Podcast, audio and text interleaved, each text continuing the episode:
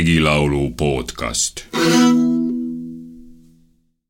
toodi härgad Türgimaalt, toodi härga Türgimaalt, suuri sõnni Soomemaalt, suuri sõnni Soomemaalt, kes pole iialikes olnud, kes pole iialikes olnud, sajal aastal sahka näinud, sajal aastal sahka näinud, kümnel aastal künnud maada, kümnel aastal künnud maada, tuhat sülda turja laia, tuhat sülda turja laia, sada sülda sarved pikkad. Sada sülda sarved pikad, kaksi sülda karvad pikad kaksi sülda karvad pikad, kuu kaupa orav jooksis, kuu kaupa orav jooksis härja selga roodu mööda härja selga roodu mööda. päeval endas pääsukene, päeval endas pääsukene, härja sarvede vahella,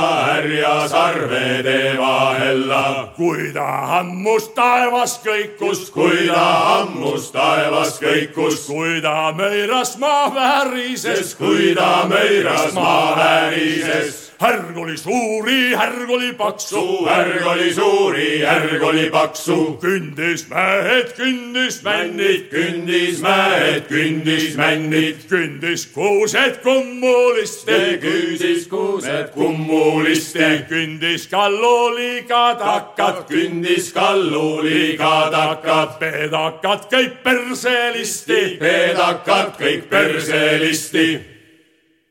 Mina jäin meesi mõtlema ja mina jäin meesi mõtlema ja kus saan härja tappa jääda, kus saan härja tappa jääda, suure senni surma jääda. suure sõnni surma jääda. otsin härja tappa jääda, otsin härja tappa jääda, suure senni surma jääda. jääda suure sõnni surma jääda. tõin ma tapja Tartumaalt, ta tõin ma tapja Tartumaalt, teise tapja Türgimaalt. Ta teise tapja Türgimaalt.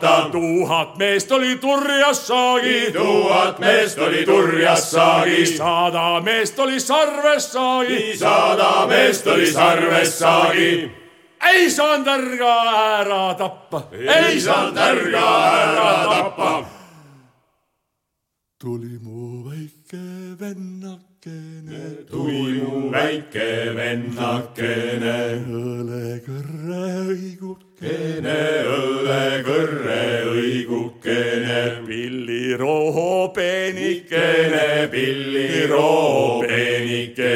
peenikene, sõrmesuuru poisikene, kene sõrmesuuru poisikene, ruusikal ta rutjus härja, ja ruusikal ta rutjus härja, pöidel all ta pistis kurku, pöidel all ta pistis kurku, verda sai venegi täie, verda sai venegi täie, rasva suure laeva täie, rasva suure laeva täie, tuhat tündrida lihada, tuhat tündrida lihada.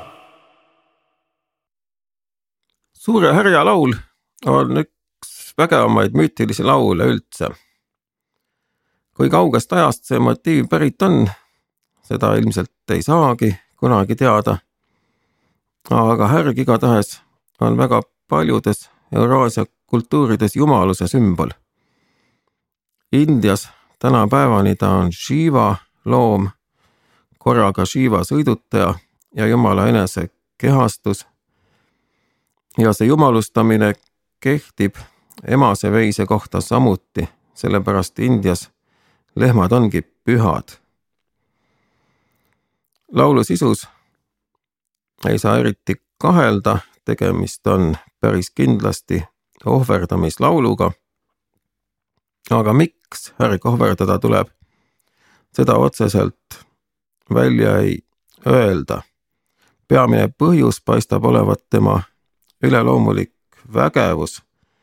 see, et ta seal künnab mäed, künnab männid, künnab kuused kummulisti, künnab kalluli kadakad.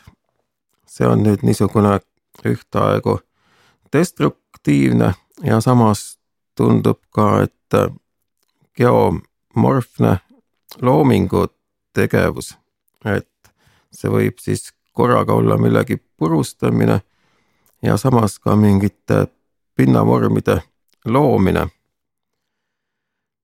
nii et ikkagi see, miks hakatakse tapjat otsima, see on, põhjus on nähtavasti, et on vaja teatavat ohvrit. ja ohvrit on vaja sellepärast, et see suur kosmiline olend, et ta kehastab teatavat väge. nüüd võib küsida, et mis vägi see siis on? antiigis Euroopas härg oli seotud igasuguste dionüüsiliste usunditega ja härja ohvrit tunti ka Mesopotaamias, Egiptuses, Kreetal.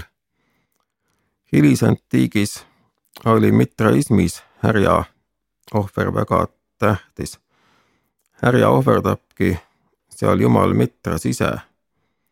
see on siis selline kosmiline vägitöö, mis äratab ka looduse uuele elule, saab uuesti sünni aluseks. mitras ongi sellise uuesti sünni elu taastärkamise jumal. talvine pööripäev legendi järgi oli Mitrase sünnipäev ja hiljem on ka arvatud, et kristlased võtsid selle just sealt üle, tegid sellest Jeesuse sünnipäeva, sellepärast et äh, kristlastel oli kuidagi mage kodus istuda, kui Mitra kummardajad väljas tänaval suurt pidu pidasid. ja meil nüüd seostatakse seda kõike siis muistsate jõuludega. suure härja laulu Eestis on lauldud talgutel, peamiselt Lääne-Virumaal, Saaremaal lauldud ka pulmades. on päris kindel, et see laul pidi andma toimuvale väge juurde. aga need härja ebatavalised mõõtmed viitavad ikkagi, et tegu on mingi üleloomuliku olendiga. See ohverdus on kosmiline, kuu kaupa orava jooksis härja selgaroogu mööda, päeval lendas pääsukene härja sarvede vahella. Need samad värsid on olemas ka Kalevalas. see härjatapja otsimine on samuti siin salapärane motiiv. Kui ohverdaja lõpuks leitakse, siis ta on väike vennakene, sõrmesuur poisikene. Eestist on üles kirjutatud ka üks Haljala laul, kus see härg ise sünnib väga väikesest pöidlapikkusest mustast lehmast. see niisugune mõõtmete vaheldumine, kord imeväike, väga pisike, siis tohutu suur mõõtmatult avar. See paistab näitavat, et need mõõtmed märgivadki siin midagi, mida päriselt ei saa mõõta, midagi mõõtmatut, inimese jaoks hõlmamatut. tohutu suurel ja ülimalt väikesel ei ole siin siis põhimõttelist vahet. Saaremaal on jah lauldud pulmades, seda ja pulmadega on muide härja ohver ka Kalevala kahekümnendas runos seotud. Seal härja tapmine kuulub Põhjala pulma ettevalmistuste hulka ja tapjaks on üks merest tõusnud must mees. tal on jalas kivist kingad, käes kuldne nuga. kõik saavad sellest härjast söönuks, samuti nagu nüüd siin selles Peeter Tooma lauldud laulus, kus verda saab venegi täie rasva suure laevatäie. samasugune asi toimub ka Kalevalas, aga mõnedes Eesti ja vist ka Ingeri lauludes see härg muutub lausa kornukoopiliseks, selliseks külluse sarveks, ammendamatu loovuse allikaks. nagu ühes Nigula laulus, kus sääreluist sai sängi, sambad, reieluist sai riivul püssi ja nii edasi. et see juba on niisuguse kunagise mitreismiga isegi võrreldav ja paistab küll viitavat härjale kui loomise kosmoloogilisele kehastusele. see härg on teatav loomise allikas, üks selline kosmiline põhikuju